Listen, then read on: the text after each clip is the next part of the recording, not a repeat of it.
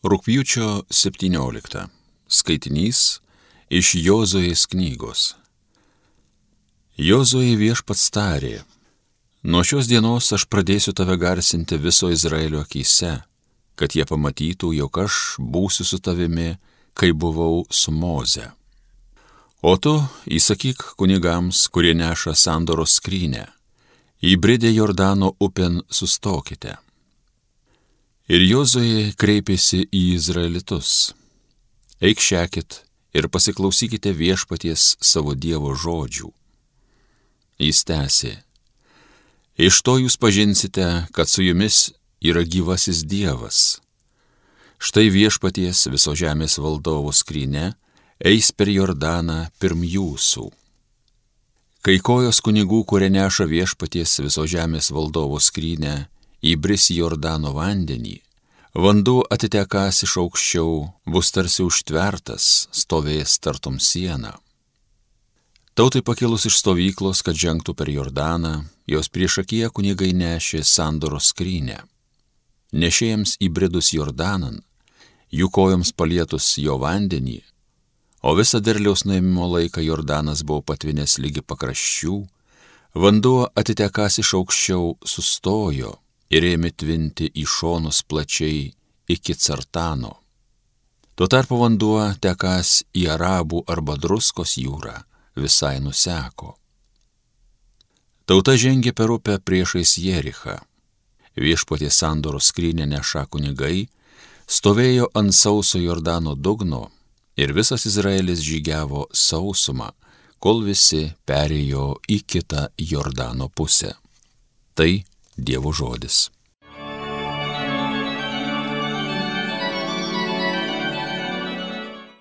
Aleliuja.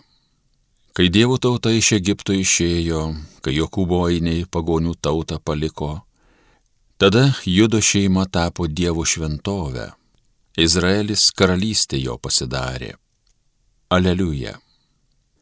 Pamatė juos jūrą ir pasitraukė, atgal pasisuko Jordanas, Kalnai šokinėjo kaip išgazdintos avys, kauburiai tarsi ėriukai. Aleliuja. Kasgi tau jūra, kogi tu bėgi, ko atgal traukėsi Jordanė, ko kalnai būkštaujate kaip avys ir jūs kauburiai tarsi ėriukai. Aleliuja.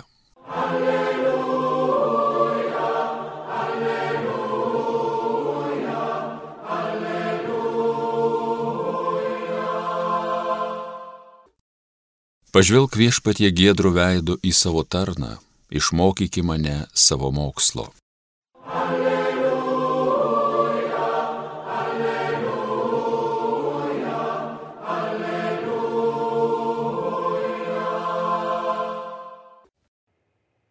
Iš Evangelijos pagal Mata. Petras prieėjęs prie Jėzaus paklausė.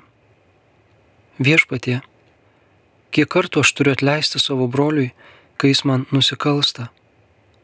Ar iki septynių kartų? Jėzus jam atsakė, aš nesakau tau iki septynių, bet iki septyniasdešimt septynių kartų. Todėl su dangaus karalyste yra panašiai kaip su karaliumi, kuris sumanė atsiskaityti su savo tarnais. Jam pradėjus apskaitą atvedė pas į vieną, kuris buvo jam skolingas dešimt tūkstančių talentų.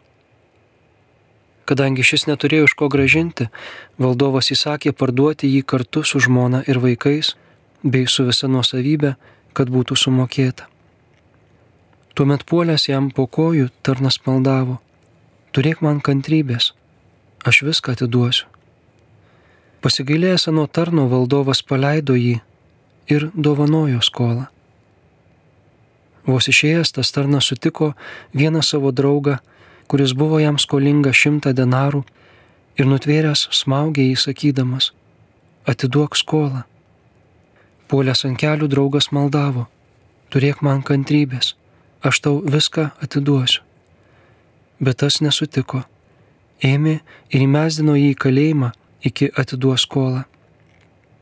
Matydami, kas nutiko, kiti tarnai labai nuliūdo. Jie nuėjo ir papasakojo valdovui, kas buvo įvykę. Tuomet pasišaukęs į valdovas tarė, nedorasis tarne, visą aną skolą aš tau dovanojau, nes mane maldavai. Argi nereikėjo ir tau pasigailėti savo draugo, kaip aš pasigailėjau tavęs. Užsirūstinęs valdovas pavedė jį budeliams, iki atiduos visą skolą. Taip ir mano dangiškasis tėvas padarys jums, jeigu kiekvienas iš tikro širdies net leisite savo broliui.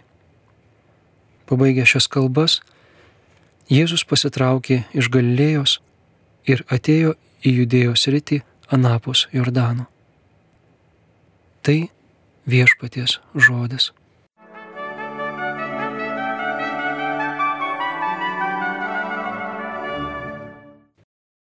Kritiškas šventojo rašto skaitytojas lengvai pastebės didžiulį kontrastą tarp Senojo ir Naujojo testamentų. Tarp žydams apsireiškusio Dievo Jahvės, kuriam visai savas Dievo kario įvaizdas, ir Dievo Sūnaus Jėzaus Kristaus, panašesnio į visišką pacifistą. Ar čia tas pats Dievas? Ar gali jis būti toks skirtingas? Vienu metu siūsti žudyti ištisas tautas, o kitų kalbėti apie absoliutų atleidimą ir meilę priešams. Nelengvas uždavinys juodu sutaikyti ir pripažinti, kad tai vienas Dievas. Dėl tų Dievo lipimų išžudytų tautų, miestų prisimena toks amžina atilsi kunigo Vaclovo Aliulio komentaras. Jozuės knyga parašyta praėjus porai šimtų metų po įvykių. Tai viena. Žudydami ištisus miestus žydai rėmėsi tuometinę karo teisę, o ne Dievo liepimu. Karo teisė nurodė išžudyti visus, kad neliktų kraujo keršto vykdytojų. Tai antra. O kai jau gerokai vėliau buvo rašomos knygos apie tai, buvo vadovaujamasi tokia logika. Šitie dalykai įvyko, vadinasi, Dievas leido jiems įvykti. Jeigu Dievas leido jiems įvykti, Nedidelė klaida bus pasakyti, kad Dievas liepė. Tai trečia. Taip gaunam Dievą su labai didelė nuodėmingo žmogiškumo doze. Žiaurų, nuožmų, negailestinga, visai patogų karo propagandistams. Galim įsivaizduoti, kaip vienas žymiausių Rusijos politrukų, patriarchas Kirilas, šiuose knygose randa argumentų savo ugningoms kalboms motivuojančioms rusus pulti Ukrainą ir supuvusius vakarus. Negalim neikti to moralinio supuvimo vakaruose, bet Dievas tikrai nėra tas, kuris ragintų paimti šautuvą ir eiti nušauti kokį ištvirkusį kaimyną. Galim pažvelgti į truputį kitą fragmentą Senajame testamente, kuris meta šešėlį Dievo meiliai ir gerumui - Abromo bandymą kur Dievas kviečia Abromą paukoti savo sūnų. Kaip čia išteisinsim Dievą? Tikėjimo protėviai ir išrinktoji tauta turėjo ne vieną galimybę patirti ir suprasti, kad tie momentai, kai atrodo, kad Dievas prieštarauja pats savo, yra tikėjimo augimo momentai.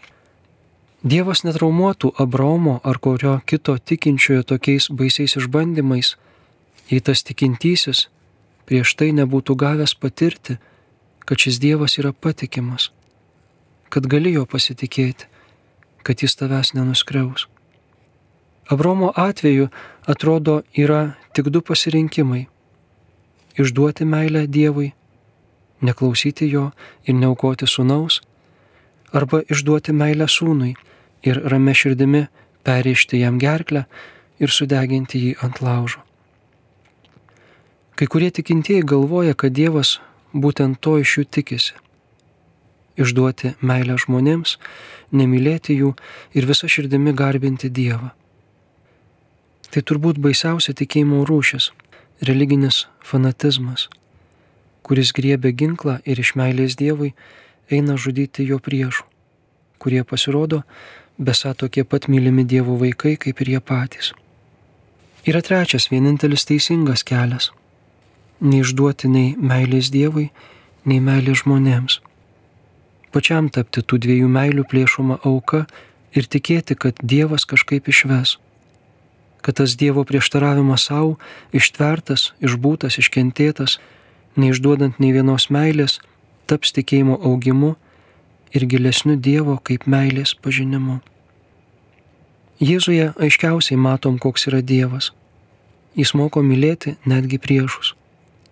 O kai Petras klausė, kiek kartų atleisti savo broliui, įdomu, kad brolis ir artimiausias žmogus per netleidimą gali tapti didžiausiu priešu, Jėzus sako atleisti visada. Nėra tokių aplinkybių, kurios pateisintų netleidimą ir leistų netleisti. Tik turbūt nereikia per skubiai užsiūti žaizdos su pūliais. Atleidimas nepaneigia teisingumo atstatymo, net ir bausmės nusikalteliui. Kaip sunku po karo bus atleisti kaltiesiems, ypač tiems, kurie kalčiausi. Bet Jėzus, kaip jam ir būdinga, klausimą pakreipia kitą linkme. Petras klausia apie atleidimą, O Jėzus kalba apie skolą, dovanotą skolą ir mūsų mintis pakreipia dėkingumo linkme. Dėkingumas gali būti vaistas maldantis net leidimą.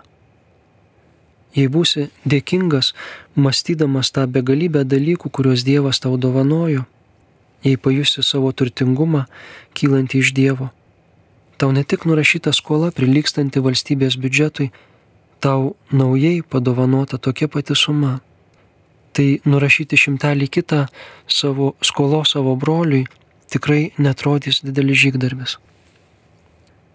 O jeigu netiki, kad esi tiek apdovanotas ir tau nekyla dėkingumas, tai sėsk, pasimk lapą popieriaus ir skaičiuok. Kiek kainuoja širdis? Plaučiai, kepenys, inkstai, kasa, skrandis, smegenys, kaulai, kraujotaka, akis, ausys. Geriau būtų pasimti medicinos enciklopediją. Tada perversk biologijos ir geografijos enciklopedijas. Paskaičiuok, kiek kainuoja vanduo, oras, ugnis, žemė, kiek įvertintum Saulės šviesą, kiek kainuoja Lietuvos miškai, Baltijos jūros pakrantė, Nida. Nepraleisk ir istorijos vadovėlio ir paklausk, kiek kainuoja taika, laisvė, garbinga tautos praeitis. Pamastyk, kiek įvertintum savo artimuosius, giminės, draugus. Dar primesk savo būto kainą, automobilį jai turi. Kai visą susumuosi, gali parašyti šalia ir tą skolą, tą skriaudą, kurią patyrei. Ar tai panašios sumos? Ir ar verta tvirtai įsikibus mažesniosios prarasti didesnėje? Šiandien daroma didžiulė skriauda Ukrainos tautai ir kažkas šią sumą bando pripaišyti Dievui. Ne va Dievas liepia, Dievas siunčia. Jis sako, eikit ir žudykit. Po kelių šimtų metų kažkas skaitys šį krikščionybės istorijos puslapį, kurvina ir gėdinga. Ir supras, kad tai ne apie Dievą, bet apie žmogų, kuris jį neteisingai suprato ir Dievui prirašė savo puikybę, ambicijas, brolžudišką karą, nekaltą kraują. Jei kas šiame puslapyje ir bylos apie Dievą, tai tik atleidimas, herojiškas sugebėjimas skriaudikus priimti kaip žmonės, kaip brolius, kaip vieno tėvo vaikus.